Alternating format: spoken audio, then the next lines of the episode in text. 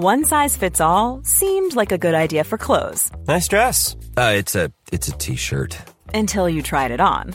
Same goes for your healthcare. That's why United Healthcare offers a variety of flexible, budget friendly coverage for medical, vision, dental, and more. So, whether you're between jobs, coming off a parent's plan, or even missed open enrollment, you can find the plan that fits you best. Find out more about United Healthcare coverage at uh1.com. That's uh1.com. Hiring for your small business? If you're not looking for professionals on LinkedIn, you're looking in the wrong place. That's like looking for your car keys in a fish tank. LinkedIn helps you hire professionals you can't find anywhere else, even those who aren't actively searching for a new job but might be open to the perfect role. In a given month, over 70% of LinkedIn users don't even visit other leading job sites. So start looking in the right place. With LinkedIn, you can hire professionals like a professional. Post your free job on linkedin.com slash spoken today. Hallå! Simon Gärdenfors heter jag och snart börjar min podcast Arkivsamtal. Detta händer snart. Nu på måndag 5 juni så uppträder jag på Greven Komedi på Cantina Real i Stockholm. Klockan 20.00 börjar det och det kostar bara 100 spänn i dörren, så kom dit. Det är Nisse Hallberg och Henrik Nybloms ganska nya klubb. Jag vet inte vilka andra som kör, men det är alltid askul och mysigt där. I övrigt har jag lite andra gig i Stockholm, Lund, Sundbyberg och Motala, så kolla in datum och länkar på gardenfors.blogspot.com. Om ni vill stötta den här podden med en slapp dollar eller två, så får ni jättegärna göra det på patreon.com slash arkivsamtal. Det vill säga patreon.com snedstreck arkivsamtal. Jag uppskattar asmycket alla ni som bidrar.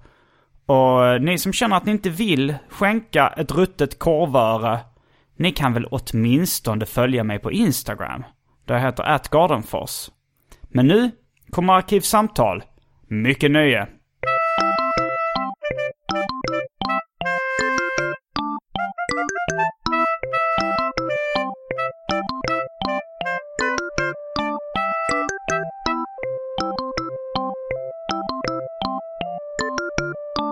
Berätta om vad du åt till frukost. Du har ett ljudtest. Eh, jag åt två sandwichglassar. Oj! Två stycken till frukost. Två sandwichglassar till frukost. Erkänn att du åt det bara för att eh, du visste att du skulle få den här frågan i arkivsamtal. Nej. Nej, vi hade faktiskt ingen annan mat Aha. hemma. Eller vi hade med något så äckligt bröd bara, som inte jag vill äta. Som min tjej påstår att det är gott, men ja, man ser att det är äckligt. Det var som en gång, jag tror en av de första gångerna Albin Olsson var med i Arkivsamtal så, så hade han så han passade på att knulla med sin flickvän på morgonen. För att han tänkte att om jag får frågan, när knullar du sen? så skulle jag kunna vara så här.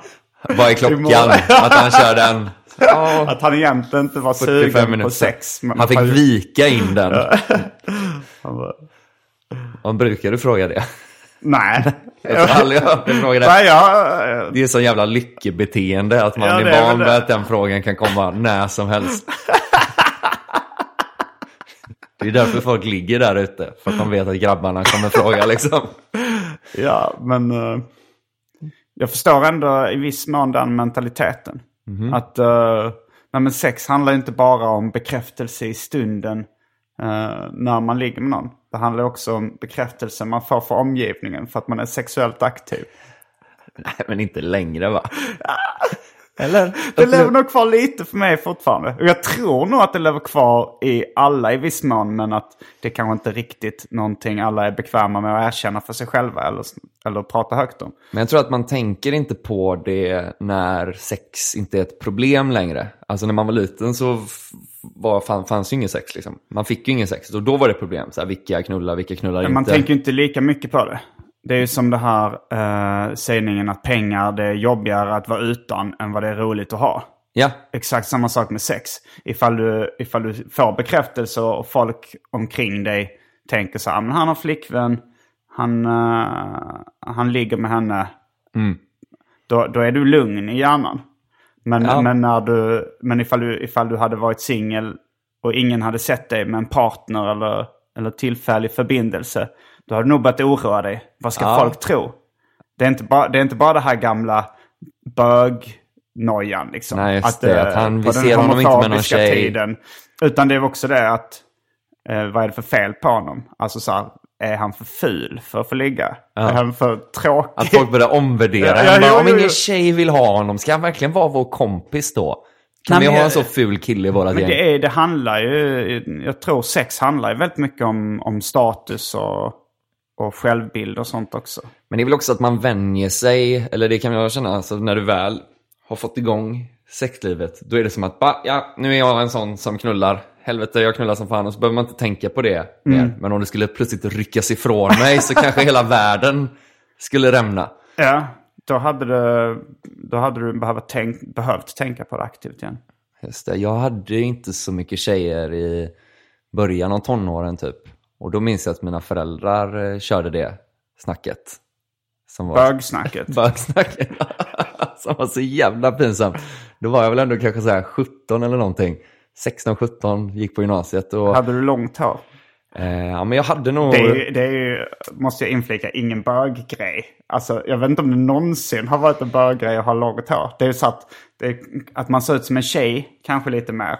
Men jag har aldrig, jag vet ingen bögkultur där långt hår har varit en Nej, grej. och ändå har det väl lite bögstämpel, i alla fall i Kungälv som jag kommer ifrån, ska Ja. jag säga att jag har lite bögstämpel.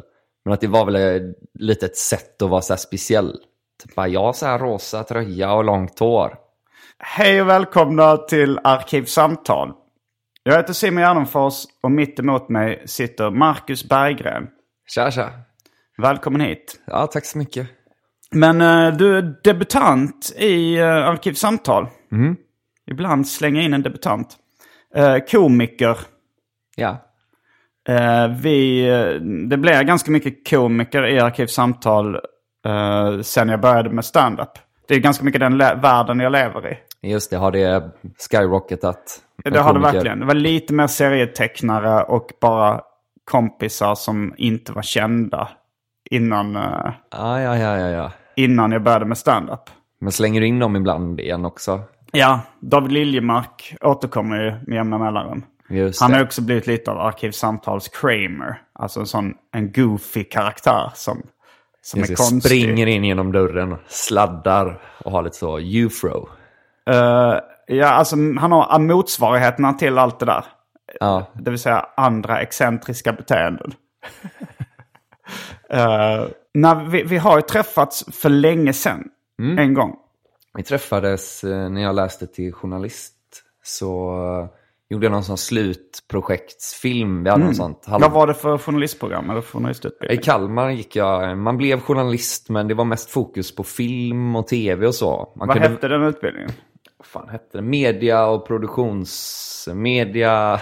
jag kommer inte ihåg, det var inte ens så länge sedan. Ja, och det, men var det på universitetet? eller? Ja, ja exakt. Okej.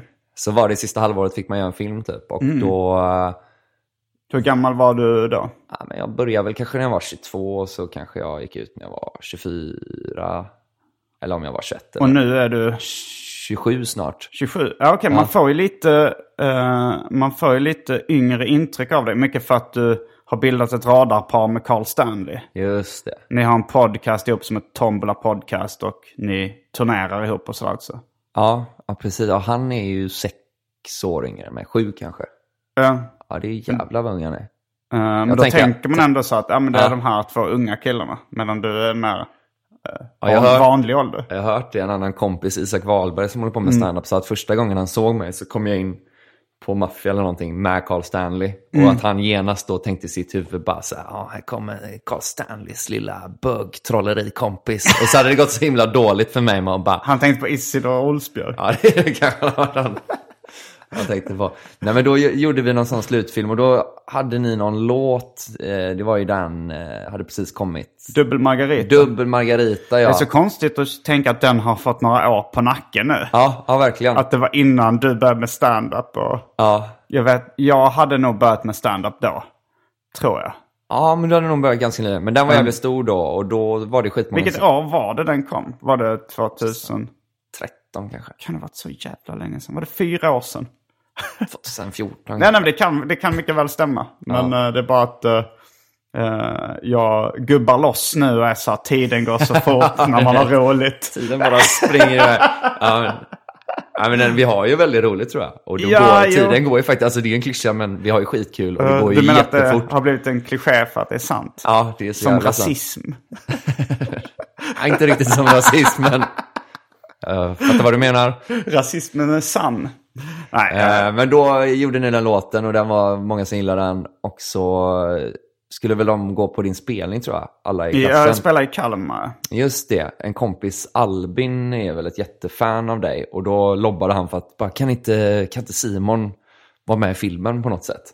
Och den var redan lite haveri till film. Peter Wahlbeck spelar ju, jag och Peter Wahlbeck spelar huvudrollerna. Du och Peter Wahlbeck. Ja, Finns den här filmen på YouTube? nej, vi Vi tar bort den eller? Vi hade en sån premiärvisning då på bion i Kalmar typ. Och eh, det var väl lite så här kejsarens nya kläder. Eftersom vi hade ganska mycket hype internt. Du vet att jag hade lite så här genistämpel. Jaha, Men, eh, redan då? men den var liksom, den var ju ett jävla haveri. Och det förstod man sen ju längre tiden gick från premiären när man kollade om den. Att man bara, Den hette någonting Katten. katten den moderna narren. Och det var ju att jag och Peter Wahlbeck springer runt i olika peruker och skriker om katter. Alltså, den var liksom skriven i så här alldeles för många metalager. Så till slut förstod vi inte ens själva vad som var verkligheten Ah, i okej. filmen. Vi tappade tråden. Men då klippte vi in dig Ja, i början med referens till låten, har jag för mig. ja.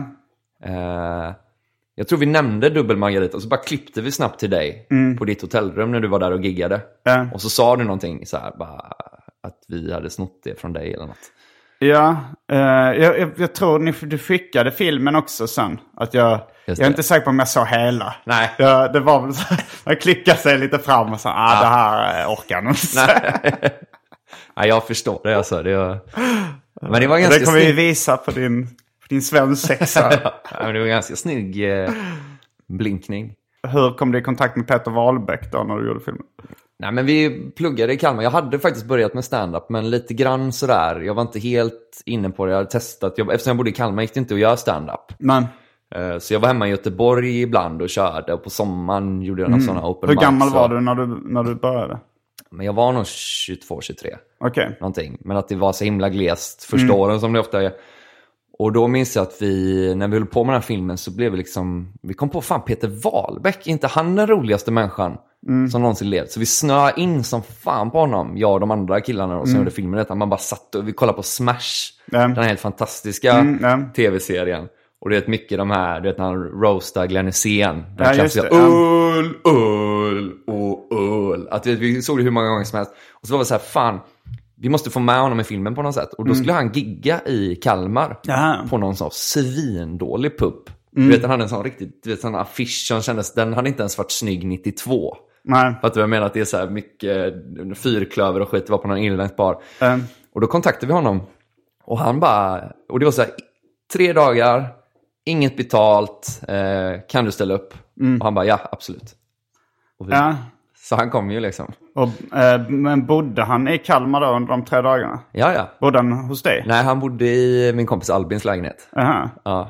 Eh, Ja, vi, vi pratade lite om det. Alltså jag, jag hade ju ett avsnitt med Peter Wahlbeck nyligen där, Mm, jag, där jag jag ganska mycket tog upp hur, eh, hur utmattande det var att uh, umgås med honom privat.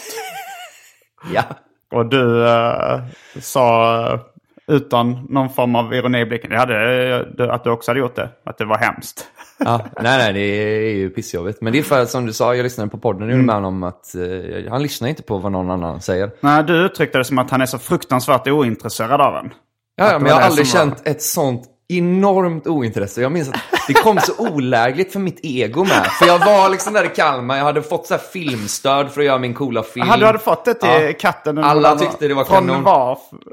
Eh, från någon så här film sydväst. Eh, SVT Malmö hade jävlar. uttryckt visst intresse och det var så här, alla bara shit, och han har fått med Wahlbeck. Och de... Men du hade, du hade gjort typ ett utkast då, eller hur? Nej, men jag hade gjort en jävligt bra pitch bara. Ah, okej. Som var bara en lång rant om hur jävla fet den här filmen skulle vara. Den skulle vara en dogmafilm från början. Det skulle bara vara jag och en katt och en så handkamera inlåsta i en lägenhet. Mm. Det var liksom idén. Sen bara gick det åt helvete. när vi väl fick minsta påtryck. Alltså jag var så vek som regissör. Du vet när, när typ SVT Malmö gick in och bara nej, ni kör vanlig kamera. Så bara, ja, absolut, absolut. Alltså så hela visionen gick åt helvete.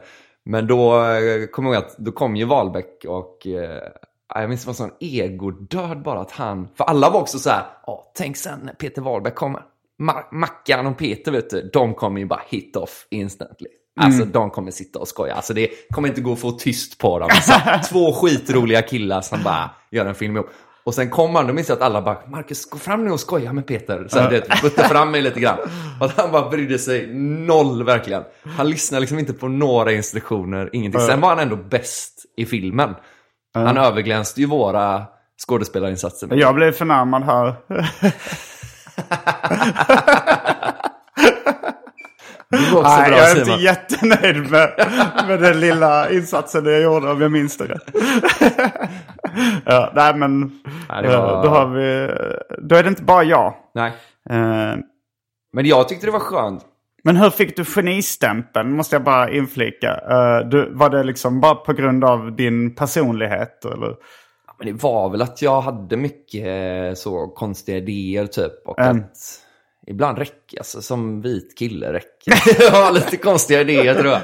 Eh, Just den gången hade jag ju liksom inga belägg för det heller. Men du hade inte gjort någonting innan du kom dit? Eh, Nej, men jag Alltså, gjorde i- väl allt som sådana killar gör. Du vet att jag hade ett band och vi gjorde väl lite, vi gjorde någon skräckfilm som också var lite så här att folk tror jag låtsades tycka den var bättre än vad den var. Jag var och pluggade dokumentärfilm ett halvår i Holland. Och då gjorde vi en skräckfilm med folk från hela världen typ i någon byggnad så här. Som vi höll på med, jobba stenhårt. Jag och en kille i, ja men ett år tror jag det tog att göra den den blir inte heller så jävla bra. det är så jävla svårt att göra film alltså. Ja. Jag är så jävla glad att jag inte håller på med det. Ja, du har slutat? eh, Du har inga liksom, ambitioner? Nej, sådana? nej inte efter den. Inte efter att ha varit tre dagar med Peter Wahlbeck. Alltså han blåste ut alla filmambitioner ur mig. Alltså det är hemskt att göra film. Ja, jag har jag, kanske... Alltså jag har testat att göra... När vi gjorde Vård av sjukt barn, jag och Anton. Mm. Eh, Men då hade vi en inspelningsdag. Ja. Och eh, det, det, men det är ju ganska utmattande. Det är Ja, ja. en av de, även när jag gjort tv och sådär så är det ju något av det mest eh, psykiskt påfrestande man kan hålla på med. Ska jag säga. Nu, nu tog jag i och för sig, det var ju kanske rätt psykiskt påfrestande också. Okej, nu ska nu är det ditt ansvar Simon att du sätter de här handklovarna på David Helenius under en pressvisning. Och då, det, då blir man ju så här, ah, det är stressande Ja, liksom. ja, ja, ja. Tänk, eh, det- paja hela det här liksom. Om det går fel blir det bara ännu mer pinsamt om man så här, han rycker bort handen eller någonting. Ja, ja, ja, men också att det, och det jag tänker att du vet där är att så här, om en vecka kommer jag aldrig med, alltså då kommer vi bara ha klippet och det Mm. kommer vara så himla bra. Men så tänker man ju inte när man sitter där Nej, och nej, måste göra det. Det är ju skitjobbigt. Ja, ja, ja. Alltså- och det var, då var det ju liksom jättemånga sådana olika grejer. Och, eh, men, så att det var förmodligen mer psykiskt utmattande, men även vanlig tv tycker jag. Bara det här liksom, sitta och vänta. Jag har gjort lite cameos i olika liksom, eh, tv-produktioner och sånt nu, med småroller liksom. Ja. Eh, men ett, jobb- man sitter och väntar en hel dag och sen ska man liksom försöka... Nej, jag, jag tycker det är rätt jobbigt faktiskt. Även om jag vill nog jo- jobba mer med det. För att det, det har ju sånt jävla genomslag, rörlig bild. Ja, det är ju populärt tydligen. Men det är väl därför vi har sökt oss till stand-up, tänker jag. Eller du har väl också varit lite så att man har testat olika uttrycksformer för att till slut mynna ut i den bästa.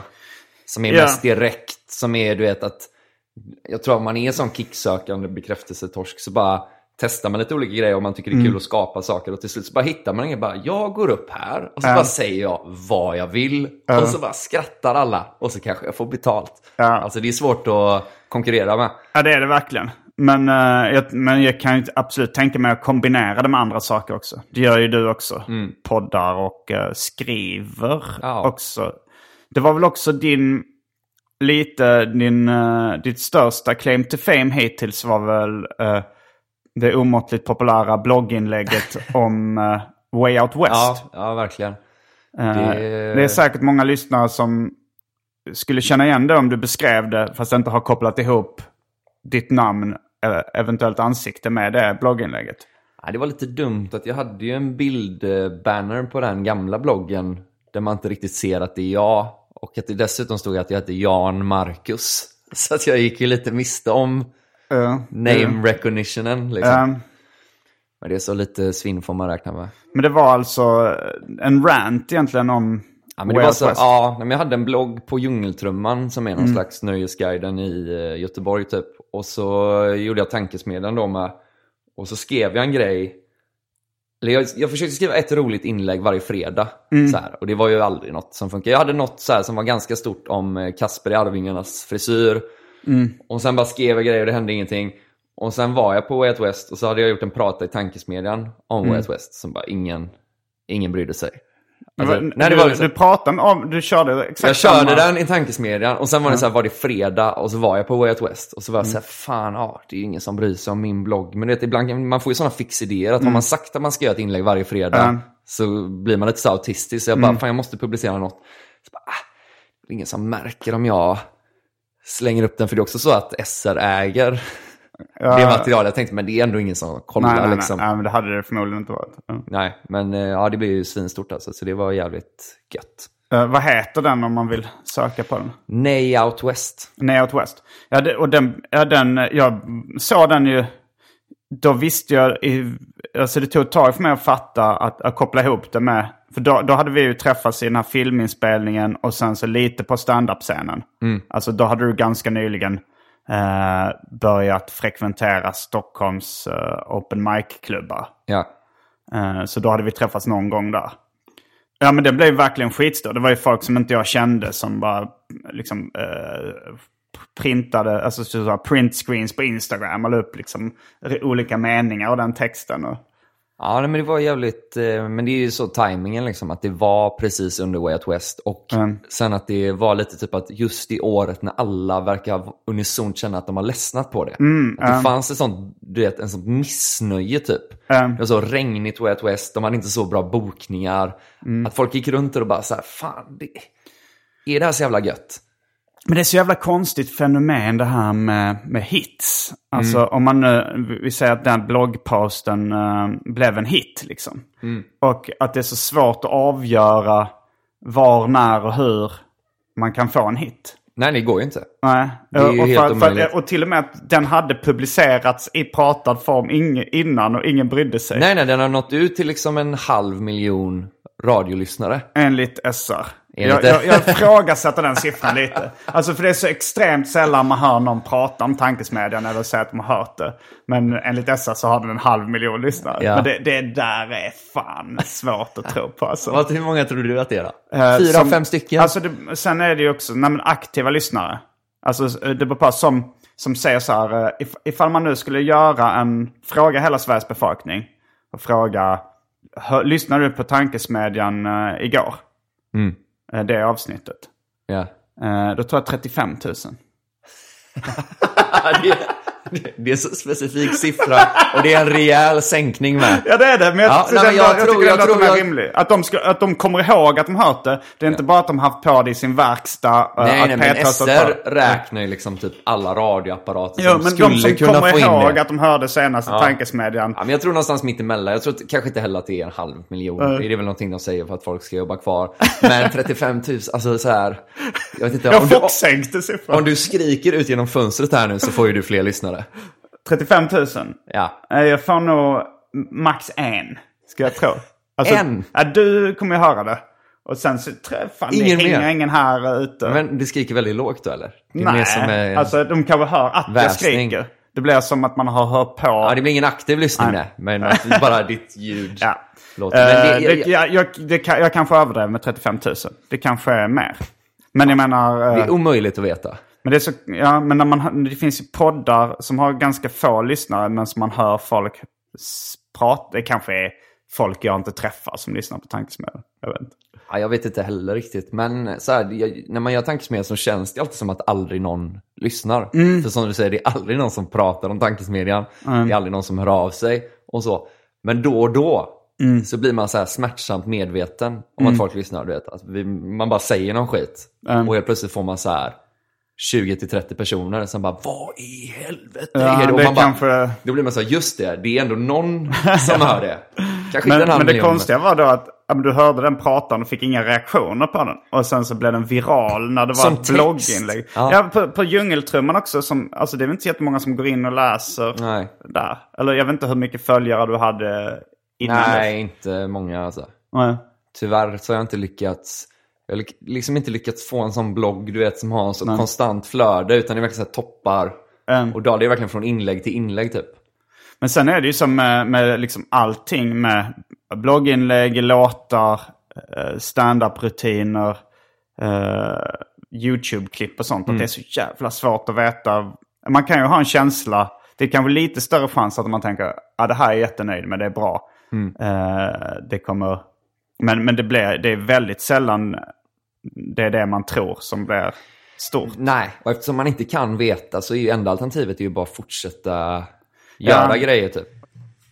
Apropå någonting som eh, blev oväntat populärt. Så har det nu blivit dags för det omåttligt populära inslaget Välj drycken.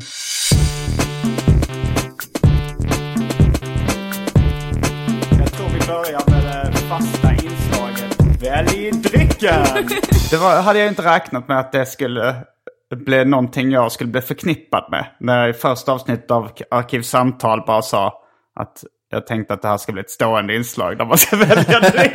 Det är så jävla löst. Och sen har det, det ja men det är han med välj drycken. Men det är mycket så att folk ger dig dryck och så. För det Ja, kommer ja, jag ja. ihåg då när du var i Kalmar. Att Ja. två polare hade ju med sig Ja, en dryck. Ni hade med, ja, du och dina kompisar. Ja. Ja men det var för att han var så här, nej men när man träffar Simon så måste man komma med en dryck. Det är som att man alltid är de tre vise männen. så, myrra, guld och någon jävla E-Types egna IPA. Det känns som, är det inte så att folk försöker överträffa varandra? Det är så här konstighet med. Jo, det, det är det ju. Men, men också det här med guld. Nu, nu, nu är vi kanske båda lite stand-up skadade. Men vad är grejen med guld, rökelse och myrra? Jag kollade upp vad myrra var. Ja. Rökelse. Det är samma ja. Typ, jag för mig det att det var någon form av rökelse. Men det är ju säkert som med Bibeln är det mycket så felhörningar och Ja, felskrivningar som bara har fått leva kvar. Tror du inte det? Jo, jag för mig fan att myrra var någon form av rökelse. Men eh, här kommer i alla fall alternativen till... eh, Ja. och apropå saker som blev oväntade hits. Första alternativet, Hawaii Gay Club. Ja, vad är det för något? Det är någon... Det är en drink som innehåller Malibu, Passoir och eh, citronjuice. Eh, lemonad från Brännhults är väl de som tillverkar den sortens lemonad som jag använder det. mig nu för tiden av. Men det är ju så här, varje helg så får jag ganska många som hör av sig på sociala medier som dricker Hawaii Gay Club. Och det är vissa barer som har börjat servera den också. Just det. Det var kul de första fyra gångerna. Var? När folk skickar det. Skickar eh, Till dig. bilderna. Ja. Ja, men det är fortfarande Ja, ganska, det- ja. alltså så här, nu kommer jag bli besviken när de inte kommer. Nej, just det. Det var som när Cornelis Vreeswijk, eh, jag läste någon biografi, han hatar liksom när, eh, när kvällspressen och skvallerpressen skrev om honom. Men sen blev det ännu värre när de slutade, när det var helt tyst. Då Just. kom den här tomheten. Ja, jag har hört att Evert Taube ringde ju chefredaktören på Expressen varje Mm. dag och så här föreslog grejer de kunde göra på honom. så att han alltid skulle vara aktuell. Att han kunde vara rasande om det inte hade varit något på några dagar. Så då fick de liksom koka ihop någonting. Ja, men det, det är egentligen, om man tänker ur ett sånt här eh, varumärkesperspektiv, så är, det ju bara smart. Ja, ja. Men, men det är ju tragiskt när det säkert var ett utslag bara av hans väldigt känsliga och stora och sårade ego. Yes. Uh, Okej, Hawaii Gay Club. Sen har vi Mander Pils. Eh, en vanlig energidryck i sex olika eh, smaker och färger. Inte i samma då, utan det finns Nej, det finns sex olika. Ja, ja, okej, okej. Eh, sen har vi Energy Drink uh, Currywurst Style. Ölen Sleepy Bulldog Baileys. Sen har vi en läsk som heter Bar Appleade. Sen var någon dryck jag fick vid något tillfälle i något jippo-sammanhang. Bloomy Drinks Power. Det är en ekologisk recovery. En suck kom från Marcus. Ja. Sen eh, eh, apropå folk som vill överträffa varandra och ge mig flippiga drycker. Eh, en nioårig oöppnad Rosita. Det kommer ju sluta med att folk bara tappar sin förstfödda på blod och häller upp ett kärl och kommer ut. Sen har vi häxblandningen som är då en uh, uppkok av uh, i stort sett alla drycker som fanns i min kyl innan jag gjorde en så kallad corporate rebranding. Och bytte ut i stort sett allt i kylen. Vad har du hällt upp dem i då? Uh, en uh, liten flaska. Har, den har ingen tagit än. Jag tror fan din poddkollega Carl Stanley tog en klunk eller två från den. Ja, Han låtsades som att han tyckte den var ganska god. Just det. Han trodde det var en whisky cola. Så, mm. Det var kanske bland annat whisky cola. Ja. och sen för tråkmånsar och nejsägare vatten. Ja, Där är det väldigt många som själva tycker att de är lite flippiga och originella och säger jag är en tråkmåns och nejsägare, ge mig vatten. ja, ja, ja. ja. Men jag ska köra bil idag så det får vara någon läsk kanske. Då har vi eh, energidryck i sex olika smaker. Currywurstdrink. eh, bar apple aid. Ja, men den låter god. Okej, då får det bli den. Själv så tar jag en Hawaii Gay Club. Ja, ja, ja. Den, den har försvunnit lite från min kyl under en period, men nu är den tillbaks. Skönt. Då är vi strax tillbaks med dryckerna. Kända från det omåttligt populära inslaget Välj drycken. Häng med! There's never been a faster or easier way to start your weight loss journey than with PlushCare. PlushCare accepts most insurance plans and gives you online access to board-certified physicians who can prescribe FDA-approved weight loss medications like Wigovi and Zepbound for those who qualify. Take charge of your health and speak with a board-certified physician about a weight loss plan that's right for you. Get started today at plushcare.com slash weight loss. That's plushcare.com slash weight loss. plushcare.com slash weight loss. One size fits all seems like a good idea for clothes until you try them on. Same goes for healthcare. That's why United Healthcare offers flexible, budget friendly coverage for medical, vision, dental, and more. Learn more at uh1.com. Hiring for your small business? If you're not looking for professionals on LinkedIn, you're looking in the wrong place. That's like looking for your car keys in a fish tank. LinkedIn helps you hire professionals you can't find anywhere else, even those who aren't actively searching for a new job but might be open to the perfect role. In a given month, over 70% of LinkedIn users don't even visit other leading job sites. So start looking in the right place. With LinkedIn, you can hire professionals like a professional. Post your free job on linkedin.com slash spoken today.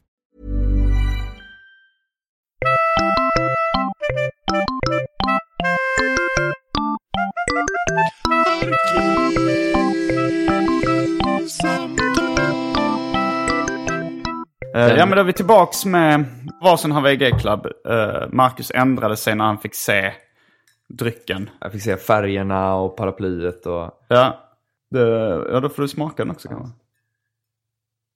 Ja, den är jävligt god alltså. Jävlar vad god den är. Den, eh, den är populär av en anledning.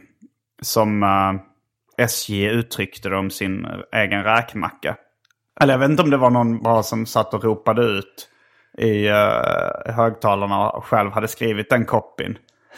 Men det var en uh, så här, som berättade då. Ja, vi erbjuder varma och kalla drycker och bla bla bla. Och vår, uh, vår väldigt populära räksmörgås som är populär av en anledning. Men den som... Jag tror ingen som jobbar på tåget också jobbar med att skriva copy, att man är så lokförare slash copywriter. Nej. Men man hör ju ganska ofta att de har feeling på tåget. Mm, Alltså när man åker så mycket tåg så är det ändå var tionde gång så är det liksom en lustigkurre on the mic. Mm. Som är så här, det känns som de bara pratar för att de tycker det är roligt. Ja. Att det, det, de sprider inte information utan det är bara Men- så här, "Ja, nu, om ni kollar till höger och åker förbi Herrljunga, där borde min fotbollstränare Fredrik. Jag hör till och med någon bitter jävel som, som kommenterade i tågkupén. Alltså det även på liksom eh, bussar och sånt där. Ja. Och någon som är så här, ah, ny på jobbet. Att de inte hunnit bli tråkiga och bittra ännu. De sa, ah, min ambition är att jag ska, jag ska vara rolig. Ja, Jag ska alltid sätta leende på folks läppar. så Jag åkte nattbuss en gång där det var en, eh, en nattbusschaffis som, eh, som blev lite...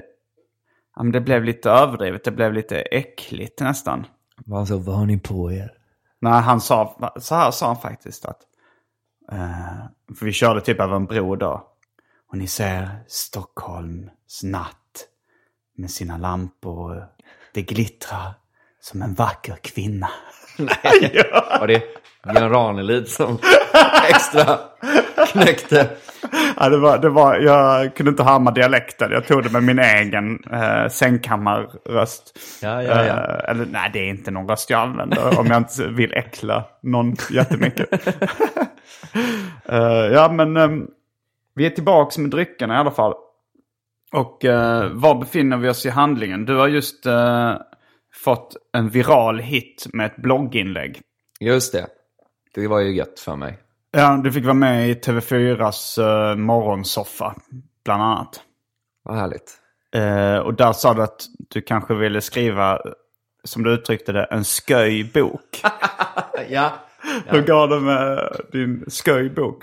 Men det går dåligt alltså. Fan, det jag har så himla mycket annat att göra. Eller, Ja. jag har varit väldigt upptagen sen det... Sen berättade du också att du har hittat stand-up där som är det, det bästa formen. Ja. Alltså man, ja, men du kanske tänkte att en sköjbok ska kunna klämmas in ändå. Ja, ja, men jag har nog alltid velat skriva en bok. Jag har försökt skriva ganska många böcker. Men så känns det som att där någon gång så kom jag på det. Att så här, fan... eh, Just, just när man hittar stand-up och humorn så släppte jag mycket av mina så här pretensioner. Att innan var det mycket mer så här, bara, "Ah, jag ska spela gitarr och skriva dikter och bara skapa. Att det var lite fult att vara rolig typ. I de kretsarna som jag var i. Men i och med att jag hittade stand-up och så, så kom jag på det bara, men fan man kan ju skriva en sköjbok. Som bara är så här, jag tänker sån superpopulistisk bok. Att man bara tar deckare är populärt. Och sen sån här typ en man som heter Ove, hundraåringen som trillade ut genom fönstret och försvann. Och så man bara merchar dem. Så att det bara är så här, de två grejerna som folk tycker bäst om av litterära grejer. Ja, det kan ju funka. Men samtidigt så tänker jag att det är oftast... Eh, det är oftare när man inte tänker på så här, vad är populärast?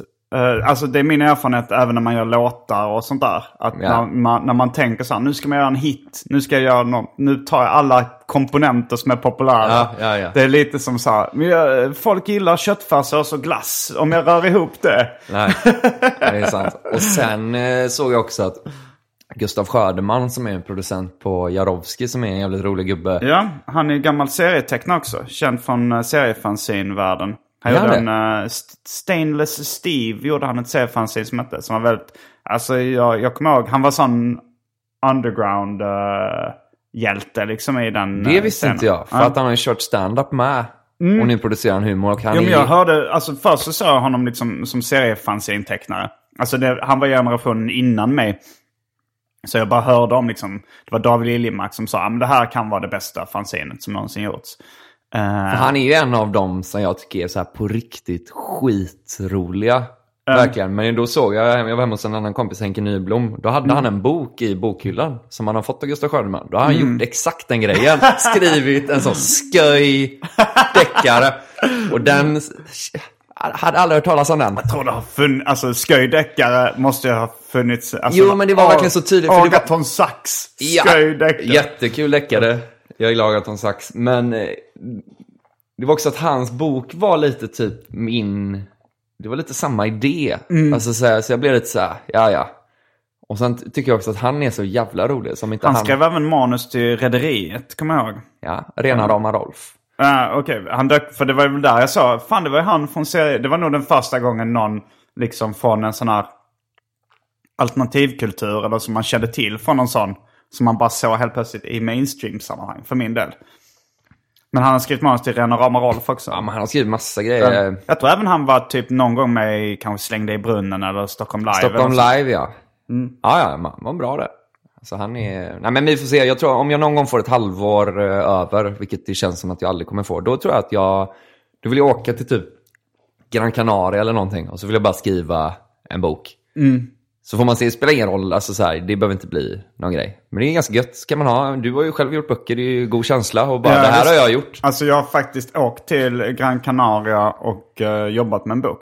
Ja, du ser, Det jag går var- i dina fotspår. Nu fick, jag fick upp en sån eh, romantisk bild nu. Alltså från, för det var då jag och uh, Kalle Törn hade bildat bandet Las Palmas. Ja. Och eh, jag för mig att, eh, ja, men det var nog också, det hade ju just tagit slut med min dåvarande flickvän. Och då tänkte jag så här, men nu är det lagom att liksom sticka iväg på en, på en rolig resa. Ja. Så då, då så köpte jag så här, och jag hade aldrig varit i Las Palmas då. Nej. Eh, och, eh, och man kunde hitta så billiga restresor till Gran Canaria. Så vi, vi köpte liksom, och när, när Kalle då såg hur billigt det var så, så köpte vi varsin biljett till, till Las Palmas. Så jag höll på då med min debutbok Turist. Just det. Eh, och det var, så vi hyrde liksom. Men det var väl så här typ 1 och 5 så fick man en vecka resa och boende. Ja, det det var så här restresegrej. Och då så kunde man, då satt jag där liksom vid något sånt liksom kafébord utanför en bungalow och tecknade klart den här eh, turist. Ja, jag men jag kan Kalle ta- han sov alltid så länge på morgonen så jag gick upp så här på morgonen. Kanske kunde sitta med en tropical öl där och sitta och teckna. Det var ju paradisiskt. Ja, det låter ju helt grymt. Mm. Och verkligen att det finns nästan inget mer rogivande än att teckna just. Nej, Alltså, ja, skriva du är kanske gammal tecknare också. Ja, det var, det var min stora dröm som liten att bli serietecknare. Jag ville teckna 91an. Ja, vänta. Ja. Nu har jag ett minne av när vi eh, eh, pratade med varandra alltså, på Lund Comedy Festival. Just det. För vi, vi har väl liksom... Vi har ju sett ganska mycket i stand-up-sammanhang och lite andra sådär. Men, Mm. men det är ganska få gånger vi har eh, pratat, en, haft en längre konversation egentligen. Men då kommer jag ihåg att eh, du, eh, att jag blev ganska provocerad av att du, en av dina favoritserier var Ut i vår hage. ja, ja. Still is man.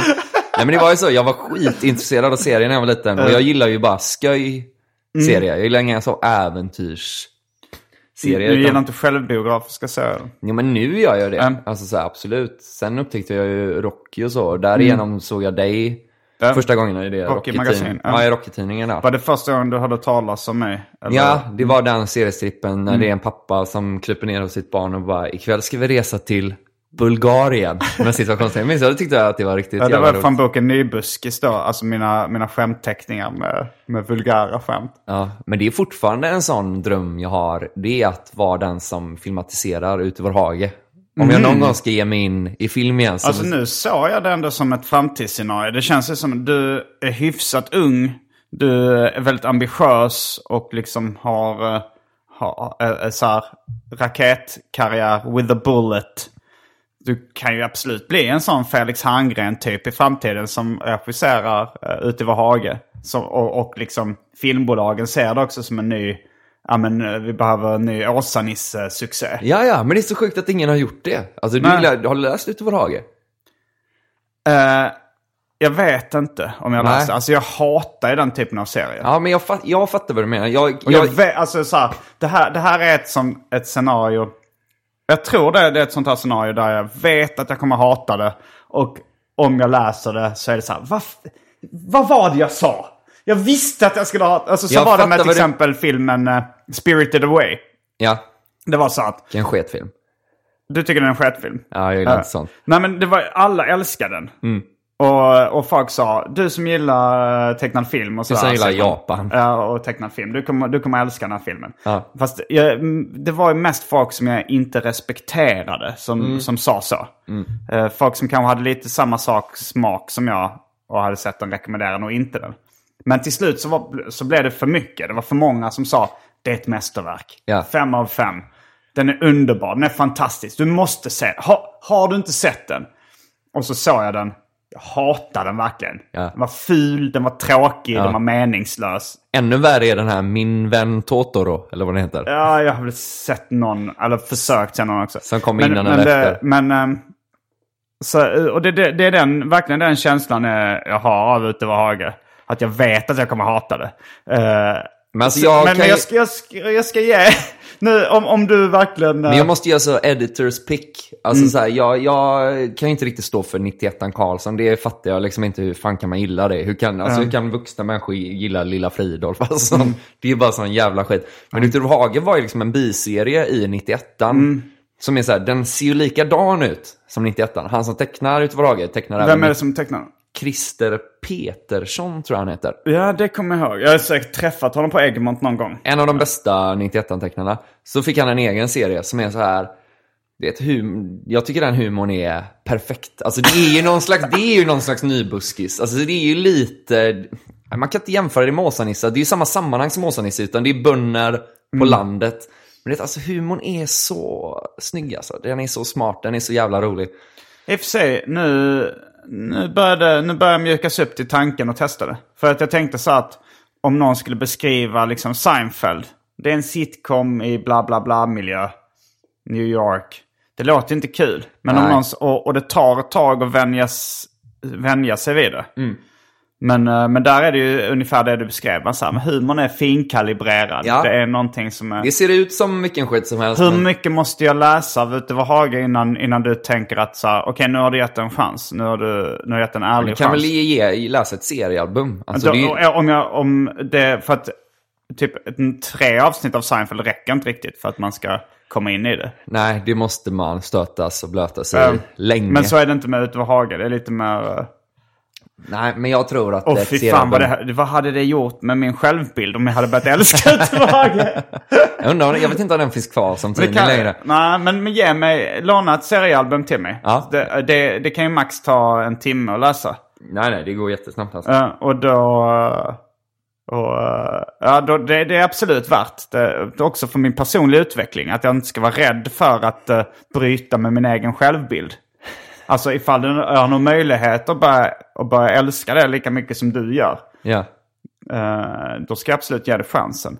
Jag är, jag är li, lite inne på det här att provocera mig själv också. Att reta den Simon Gärdenfors som hatar den serien. Titta nu har jag börjat gilla det här. Just det, nu är jag en sån här person. Vilken uh, nivå av provokation när man vill mucka med sig själv på det sättet. Nej, jag fattar inte det. Eller så Du här- fattar inte det? Nej, man är väl som man är. Jag hört Sandra Ila snackar i, någon podd typ Mm. om att bara, ah, nu för att, nu för att mix things up så jag börjat ta på mig så här färgglada kläder. Mm, det hörde jag också. Och så, ja, Men det är ju jätte... Det, jag är inne på hennes tanke där. vad är det ni menar då? Eh, nej men om man har... Om man kanske i, i tonåren eh, fick en idé så här, "Ja, men jag ska vara sån här som klär mig mest i svart liksom. Jag ska hålla det enkelt, jag ska inte... Och sen så gör man det utan att eh, efter ett tag har man glömt lite varför. Man är bara van vid det, det är sån här jag är. Ja. Eh, men sen, sen om man kanske så här, eh, testar, ja men fan färgglada kläder det kanske, kanske förändrar spelreglerna i mitt liv. Det kanske så här, jag kanske blir gladare, jag ger ett annat intryck. ja. Det, det, var bara, det var bara något jag fick för mig när jag var ung, att jag skulle klä mig i svarta, eh, neutrala kläder. Sen så nu när jag testar det här, jag kanske gillar det bättre. Jag tror att jag kanske var lite sån innan när man levde efter vissa så indie-ideal typ. Men jag tycker så fort man börjar med humor så känns det som att man bara är så ett öppet kärl. Att liksom bara allt är gött eller inte gött. Eller så här, jag håller inte på att reflektera så mycket över vem jag ska vara eller vem jag är inför mig själv. Utan fan man kör på. Men alltså, det låter så himla, jag vet inte. Så här bara, kan jag vara en sån som gillar ute i vår hage? Ja, ja, ja. Men du, du lägger ju på ett extra lager då på din smak egentligen om du alltid måste brottas med din självbild. Jo men så, det har jag nog alltid gjort. Alltså så här, jag, jag tyckte väl så här när... Eh, det var någon kompis som gav mig en, en kassett med Eminem. Innan han slagit igenom. Då var jag kanske 19-20. Mm. Och då tyckte jag så här, "Ah, det är svinbra liksom. Lyssnade jättemycket på det. Och sen, eh, och jag var ju mycket mer, eh, mycket mer, eh, jag var inte, mycket mer osäker som person då. Just det. Så när Eminem eh, slog igenom så bör, tappade jag sugen lite. Så nu är det här mainstream, liksom, nu är det här populärt. Då är inte jag sugen på att lyssna på det längre. Och det är ju, det är ju dåligt att ha den inställningen. För då, då kan inte jag njuta av det på samma sätt som jag kunde innan. någonting som kanske är bra. Så det är ju skitdåligt att ha den. Och då är det väl bra att jobba med sin personlighet. Att så här, jag kan inte, alltså så här, då hade jag en, en skitnödig personlighet som gjorde att jag inte kunde uppskatta Eminem lika mycket längre. Då är det väl jättebra att försöka jobba bort den skitnödiga sidan. Och bara, det är väl skitsamma om han är populär. Kul för honom, kul för fansen, som, eh, kul att många upptäcker att han är bra. Det, och jag fortsätter lyssna som vanligt. Och den sidan har jag liksom lyckats jobba bort i stort sett helt. Ja, men det är ju gött. Ja, och, och det, det ser jag som ett steg i någon form av personlig utveckling.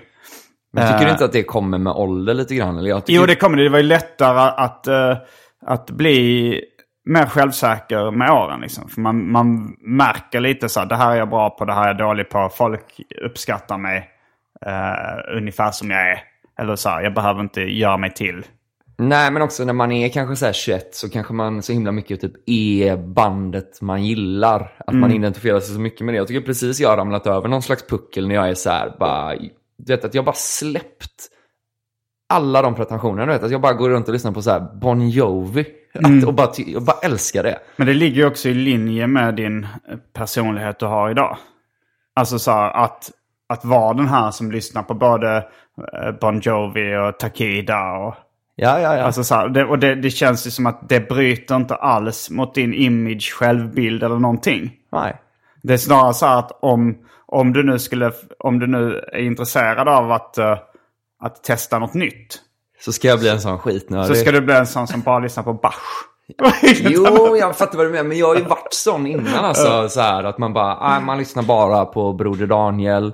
Eh, man ska inte vara glad. Nej, Men du fattade det här liksom att det, var, att det var skönt för mig att släppa på de pretensionerna så att jag kan uppskatta Eminem även om han är eh, världsartist. Ja. Och nu kommer du börja älska Ut över hagen. Ja, och det på samma sätt så, så kanske jag då kan gilla Utöver Hage. Även om det, även om det är någonting som min, min självbild säger att det är någonting jag hatar. Det, det är Fast det är, ju- roligt, alltså. jag blir ju rädd för mig själv liksom. Att jag ska, alltså det, att jag ska börja tycka om det. Det ska bli en sån jävla lallare. Det är så. Ja, men jag vet inte riktigt. Alltså tänk ifall du... Jag måste försöka hitta ett bra exempel här. Men jo, till exempel då om du läser en rasistisk bok. Och verkligen tar till dig av budskapet i den och känner så här, ah, men det här är rätt. Ja. Den här, alltså, det här, jag har nog påverkats väldigt mycket av samhällets normer och sådär. Det här är, nej men fan det, de har rätt. Okej, jag är rasist. är du, blir du inte lite rädd för dig själv då? Ifall Jo. det skulle, för att, och ju, ju mer öppen man är, måste, desto mer öppen måste man ändå vara för den typen av tankar man är rädd för. Jo, jag fattar vad du menar. Men det är också att dra det lite till sin spets och Ja, köra men exakt så känner jag jag, vill bara, jag vill bara att du ska läsa Ut. Ja, men för mig är det lika Hitler och- pinsamt. eh, För mig hade det varit lika pinsamt att bli ett ute i Hagen-fan som att bli rasist. Ja. ja, men jag det- fattar vad du menar. Alltså, ingen, är ju, ingen är ju helt fri från de här grejerna. Det är väl att... Eh, det kanske är så att jag har lyckats göra det till min grej och min självbild. Att jag är Mm. jävligt så här öppen för grejer som andra kanske tycker är lite töntiga. Typ. men du sätter gränsen ändå vid rasism. Jag tror inte Ja, att... nej, du- nej, nej, men där sätter ja. jag absolut gränsen. Det, för det tycker jag är intressant. eh, Det har ju varit en sån debatt till exempel om eh, så här, de här ut i Bögda. Har du sett det? Eh, ja, Det har alltså... varit lite på kultursidorna typ. Att, Alltså det var, det var den här um, Instagram-komikern Clarence Claes Eriksson. Som gjorde en SVT-produktion om uh, två lantisar. ja, Är det det du snackar om nu eller? Ja, men det har varit så här, både Åsa Linderborg och Johan Kroneman då. Mm, Jag tror jag läste nog nästan hela Johan Kronemans artikel om det här Billy och... Jag kommer inte Leif och Billy, ja. Leif och Billy, ja. Men- Men, det är ju den, jag började först liksom intressera mig för den här... För jag är ändå intresserad av humor i allmänhet. Ja. Och sen började det här dyka upp eh, med eh, typ Facebook och Instagram-komiker som kände som att det här är en helt annan sida av humorsverige än där, där eh, jag befinner mig. Mm. Då var det väl någon som heter Simonsson i efternamn tror jag. Lukas Simonsson. Lukas. Simonsson och den här Claes Eriksson tror jag han heter. Som ligger bakom Leif och Billy. Eh, och jag såg även... Han, han var med i någon Peter Bristavs-sketch för jag såg honom på Big Ben vid något tillfälle och började liksom... Men intressera mig för den typen av humor. Jag tycker inte själv att det är jättekul, Nej. det de håller på med. Men jag tyckte det var så intressant fenomen att okej det här... Det är, det är större än vår uh, humorstil. Ja, ja, än det vi håller De på har, med. ju, ja. de har ju flera hundratusen följare på sociala medier. Eh, Ja, men jag tycker det blir intressant just när Aftonbladet och DN valde liksom att plocka upp typ tre serier i så play-format som handlar om så här lantisar och så. Det är några Mm. var det tre så?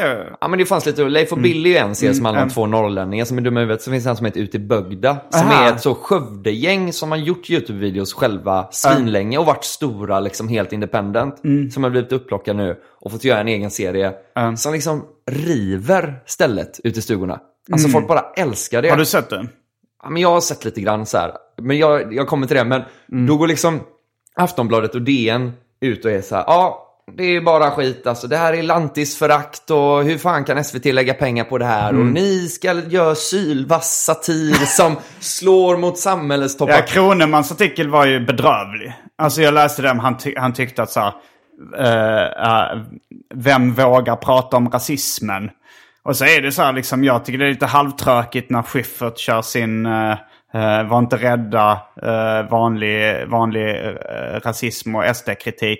Som jag såklart håller med om rent politiskt. Ja. Men som är världens tråkigaste sak och ämne att välja för humor tycker jag. Men jag kan Eh, inte att, och, och fatta- liksom, hur kan Kroneman då tycka så att det här borde komiker göra? Det är jättemånga som försöker göra det. Ja, det är hur många, men det Ja. har lyft blicken. Alltså, och det också, de gör ju så här 100 SVT Play-serier. Alltså, de flesta är ju liksom så här... Det finns ju så här full patte och det finns liknande, liknande. Och så är det så här, då har man lyft tre exempel som man tycker är då buskis och det är dåligt och det är skamligt. Och det är så här, att det fortfarande är så att det sitter liksom folk i Stockholm och är så här... Nej, men det där får ni inte tycka är roligt. Det där är inte roligt. Mm. Och man är så här, men det vet fan inte Johan Kroneman vad som är roligt. Alltså folk tycker ju det är kanon. Alltså då känner jag bara så här, jag tycker nödvändigtvis inte att Leif och Billy eller vad det är ute i bygden, jag har knappt sett det. Jag tror inte jag skulle tycka det är så kul heller. Men jag kan känna att jag blir så passionerad, jag vill liksom slåss för deras rätt att få finnas. Mm. Att jag känner sånt jävla Stockholmsförakt. Alltså, i den debatten. Att jag var så här, fick hejda mig själv från att skriva så, du vet, så öppet brev. Där tror jag du har din nästa blogghit. Fast det, för på ett sätt så är du ju den, eh, en bra företrädare för det. För att du kan formulera dig eh, på ett bra sätt och vara rolig. Och liksom ranta och raljera på ett rätt roligt sätt. Så eh, jag tycker du ska, det blir nästa, nästa blogginlägg blir det här öppna brevet. Öppna brevet till Johan Kroneman. Varför Okej. inte? Nej, varför inte alltså? Nej, man får se. Jag tycker ju att all humor får finnas, va? Förutom rasistisk humor.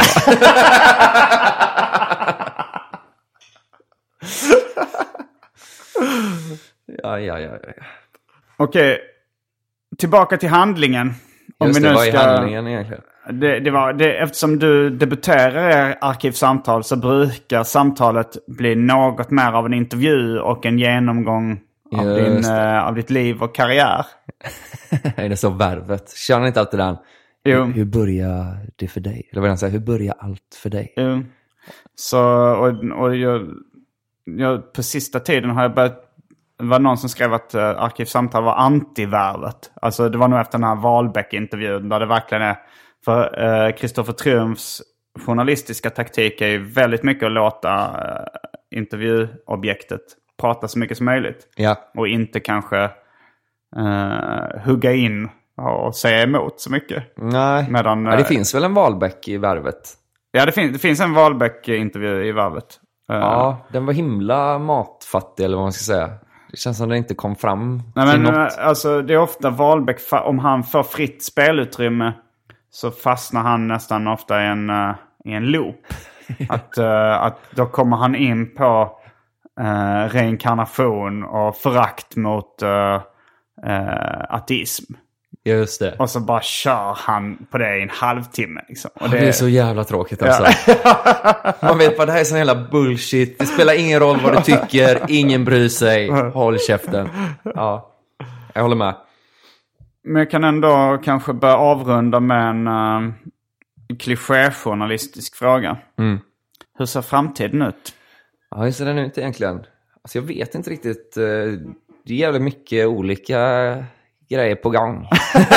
så man får... Ja, det, det, jag inser nu att det är en dålig journalistisk fråga. Jag ska nog aldrig mer ställa Nej, jag fick vara, komma jag fick vara den sista. Nej, men man testar ju. Ja, jag brukar inte ställa den faktiskt. Ja, men man får ju se lite eh, vad... Så man, jag hoppas att få göra så mycket stand-up som möjligt. Jag vill göra en till show. Jag gjorde ju min första show nu i våras. Som var liksom en timme Marcus Berggren håller låda. Ja, ja exakt. Fast ja, ja, du, det var ju inte, alltså jag kommer ihåg när jag kollade in din blogg för första gången.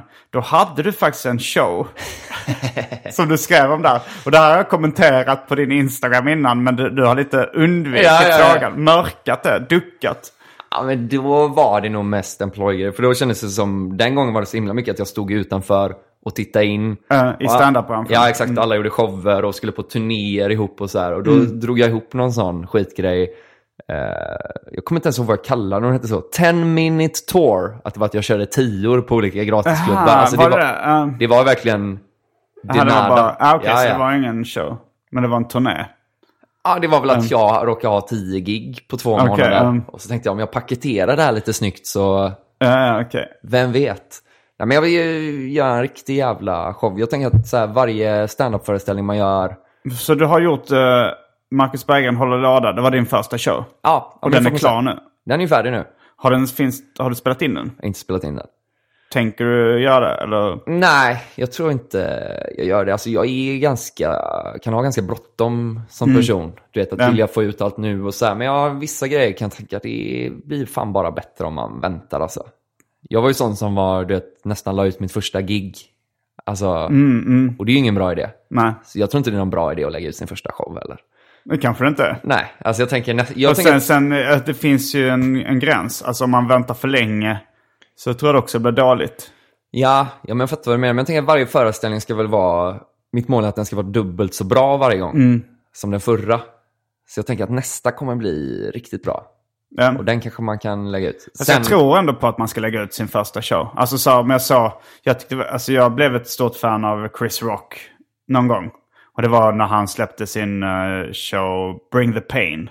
Mm. Och sen så var det så här, liksom, man kollar upp, eh, följer liksom de nya showerna. Och sen så började jag ändå kolla upp hans gamla grejer. Mm. Och det var så här, han har gjort en show som heter Big Ass Jokes. Som var hans första special liksom. Ja, ja, ja. Och den var så här, ja men då märkte man, då var han inte riktigt klar. Nej. Men det var ändå fett att se det. Och jag tror, han pajade inte sin karriär med det för att han fick väl lite fans på det. Men sen fick, när han gjorde en riktigt bra show, det var då den stora publiken upptäckte honom. Nej. Och ska jag vara helt ärlig så var det väl mer att jag hade så mycket att bara rodda ihop själva showen. Att jag hann liksom inte tänka på Det var ursäkter. inspelning och sådär. Alltså så här, det är klart att det var kul att ha haft. Jag är inte säker på att jag hade släppt det ändå. Alltså du kan ju tänka att Chris, Chris Rock gjorde ju säkert också någon jävla sket show i någon källare innan den första som filmades med. Alltså, så man vet ju, inte, kanske det. man vet ju inte mörkertalet bakåt Nej, det- egentligen. det- Han kanske stod i massa olika källare. Jo, jo, han gjorde ju säkert kortare set. Men frågan är om det var den första han turnerade med eller den första som spelades in och sändes på tv eller någonting. Men kan du inte känna man är så orolig med för hur en stand-up ska hålla upp liksom i rörlig bild? Eller för jag kan känna väldigt mycket när jag kör stand-up så handlar det så himla mycket. Jag fattar att det handlar om det för alla, men det kan handla så mycket om att jobba upp en sån elektrisk stämning. Ibland kan jag liksom bara, fan, och så var det mycket när jag gjorde min show. Att jag Ja. bara, nu har vi lyckats hitta någonting här i det här rummet Ja. som bara gäller här och nu. Och då kan Ja. jag tänka mig att om man skulle se det på tv så bara, men vad, vad är det, va? Jo, men så är det ju mycket med, med stand-up också. Att, ehm, att liksom, om man har hög energi som komiker och är bra på att trollbinda publiken genom liksom någon slags hypnos. Liksom, Ja. så är det inte lika lätt i inspelad form att eh, få den känslan. Nej, jag tänker med det. Eh, och där, där funkar mer liksom välskrivet material och välskrivna skämt. Ja. Jag tänkte på att vi, vi var med båda två i eh, roasten av Pelle Helgesson. Just det. Och där, och alla som var där, inklusive jag, och som såg dig tyckte så att du stack ut som liksom bäst på kvällen. Och eh, stjärnan liksom. Och tyckte, ja men det, för det, var, det blev så jävla bra. Eh, och jag bootleggade då uh, roasten. Ja. Och, eh, och har skickat runt, alla komiker då som har frågat mig om den har fått den. Ja. Och det är väldigt många som säger, ja men Marcus var skitbra. Men det är inte som alla säger att han stack ut så jävla mycket eh, som bäst. Liksom. Nej. De tycker så, ja men det kanske, men ja, att, att liksom hypen av de som såg det live har inte liksom eh, överförts lika bra till inspelad form. Nej, och då men- är det nog på den här en högenergigrejen och... Ja, men jag tror verkligen att det är så. Det är någonting i tilltalet man har. Som bara kan fånga folk Mm. Ja. i stunden. Och därför, för först var jag lite så här, fan, för det kändes ju som att det gick så jävla bra. Mm. Så var jag så här, fan det här skulle ju filmats alltså. Mm. Helvete Ja, fast jag... film kanske, då, då, då är det en aspekt också att då ser man ditt kroppsspråk och, Mm. och det, din blick liksom som kanske trollbinder och... Men sen kommer man hypnotisar. på det Mm. bara så här, fan det var nog bra att de där säger hur jävla bra det var. Ja, fast ja, det, det är ju skitkul när man lyssnar på det också. Alltså du, även bara rent skrivet material så skulle jag säga att du är en av de bästa. Uh, det var en jävligt rolig roast alltså. Ja, det var en jävligt rolig roast. Uh, men jag pratade med, med Atte the Champ som är en högenergikomiker som kör extremt mycket i Stockholm. Mest av alla i hela Sverige. Ja. Un, alltså odiskutabelt gör han det. Yes. Han kör så här ofta, utan överdrift kanske 13 gig i veckan. Ja. Eh, under period, alltså så, när, på, en, på en bra vecka. Och en dålig vecka kanske är 6-7 Ja. gig. 6-7. Ja. Eh, men han, jag pratade med honom om, eh, för det var många, då hade Al Pitcher släppt sin stand-up eh, special på SVT. SVT Play. Och det här, Al Pitcher är ju liksom en av landets eh, bästa komiker på det sättet att han river hem mest skratt. Varje gång ja. Ja, Han kan ju gång. välta en parkering. Alltså Ja, så här, visst. det spelar ingen ja, det, roll. Han är otrolig på det. Och jag, jag skrattar jättemycket när jag ser honom live. Och, och, ehm, och han, han har ju blivit liksom en stjärna nu. Och, och drar jättestor publik. Och, och så här. Men jag tyckte att när man såg det liksom inspelat på tv så förloras väldigt mycket av, av den känslan. Ja, ja, jag håller med dig. Jag kollade också på det och man, blev, man blev nästan lite skamsen över att fan, är det, jag har ju suttit och liksom dött av Mm. skratt och varför tycker jag inte det är roligt nu? Ja, Men det det, är- handlar så mycket om, om energi och kroppsspråk och i rummet. Liksom. Att trollbinda publik genom liksom blickar och rörelser. Ja, eller som Och du det- sa i roasten, de billigaste Fernando Fernando-knepen.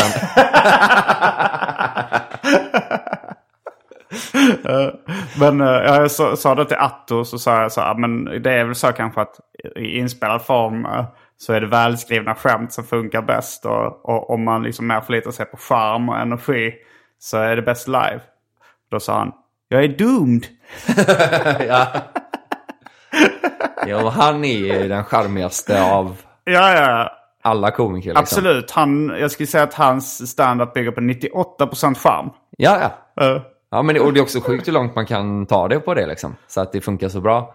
uh, Eh, men ja, ja, jag vet inte riktigt om man väljer sin stil heller. Man jobbar väl med de knepen man har jo, och får det det att funka. Eller jag har försökt liksom tänka flera gånger så här, ja men fan borde inte jag vara med så här och borde jag inte jobba mer på det här. Men fan det blir ju ändå bara som det blir så det är väl bara Ja. att köra på antar jag. Det kommer nog efter ett tag också. Alltså så här, jag har alltid velat bli mer eh, självbiografisk och självutlämnande eh, i min standup. Men har liksom inte riktigt kunnat göra det förrän... Alltså nu känner jag att jag, det har lossnat lite på den fronten. Ja, För att eh, i början så vill man bara ha så höga skratt som möjligt. yes. Men nu kan jag våga, mig, våga hänga mig kvar i liksom halvstora skratt. Bara för att berätta en historia som kanske blir lite mer, eh, som griper tag lite mer. Och som Just man det. kanske skratt, man minns mer. Och, även om det inte blir de här chockskratten eller rycka undan mattan-skratten. Men där kan man bli trött på sådana som vissa man vet som börjar med stand-up nu då. Som är så här, som ska gå in på sina första gig och liksom, du vet, ha de här Louis-ambitioner. Att man ska berätta något så jävla självutlämnande. Ja. Som skulle ha olika vändningar och så. Och så funkar det inte då, liksom, för att man har inte verktygen. Och så är man så här, nej, nej, alltså. Jag vet att ni hatar det. Alltså, folk som börjar med stand-up, de vill vara Louis liksom. Men man måste vara en sån jävla bonna-hack i början. Man måste ha så här, ja, jag vet vad ni tänker. Skämt om eh, efterblivna kusiner. Alltså så här, jag tror att alla måste gå igenom, du vet, för att du måste bara dra in lite skratt. Ja. I början för att ens orka fortsätta liksom. Jo, det, nu, nu kom, fick jag en krystad metafor. Att man måste samla in lite pengar så man kan investera. Alltså man Ja. ska samla in skratt för att kunna investera i mer långsiktiga saker. Ja men, det blir ju så, för har man rivit Ja, rätt men- många gånger då kan man ju också unna sig och bara här, testa Mm. något. Det är ju inte hela världen. Nej. Eh, Det går ju över en gräns. I början handlar det ju bara om skratt. Efter ett tag är man ju mer så här liksom, ja men vågar du bomba då?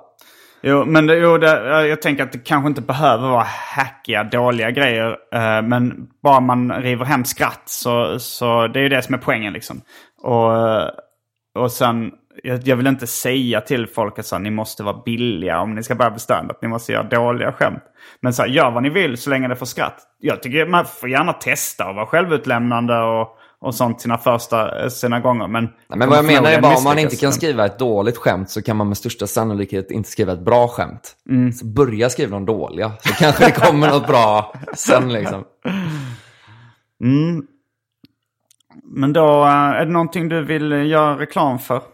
Ja, Jag tycker man kan lyssna på min och Karls podcast, Tombola podcast. Följa mig i sociala medier, understreck Marcus Museet Berggren. Finns det löpande information om Oj, oj. allt skoj. Det var allt från eh, veckans avsnitt av Arkivsamtal. Jag heter Simon Gärdenfors. Och jag heter Marcus Berggren. Fullbordat samtal.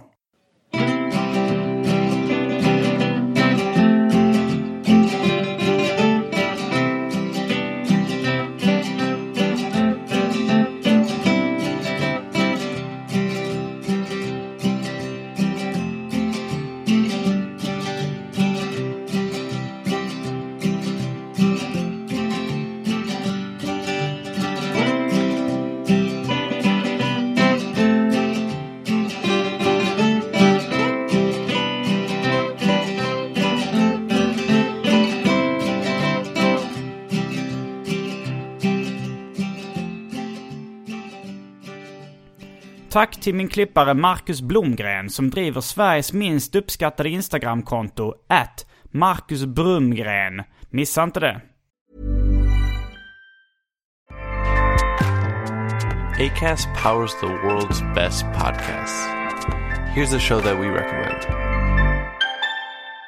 The Real Housewives is a guilty pleasure for most, but if you're looking to not feel guilty about that pleasure, tune in to Everything Iconic with me, Danny Pellegrino, where I break down all the messy moments and behind the scenes antics of Bravo's popular franchise. And on Everything Iconic, I also interview celebrity guests like Kelly Ripa, Kiki Palmer, Drew Barrymore, Cameron Diaz, and more about their guilty pleasures, their past work, and so much more.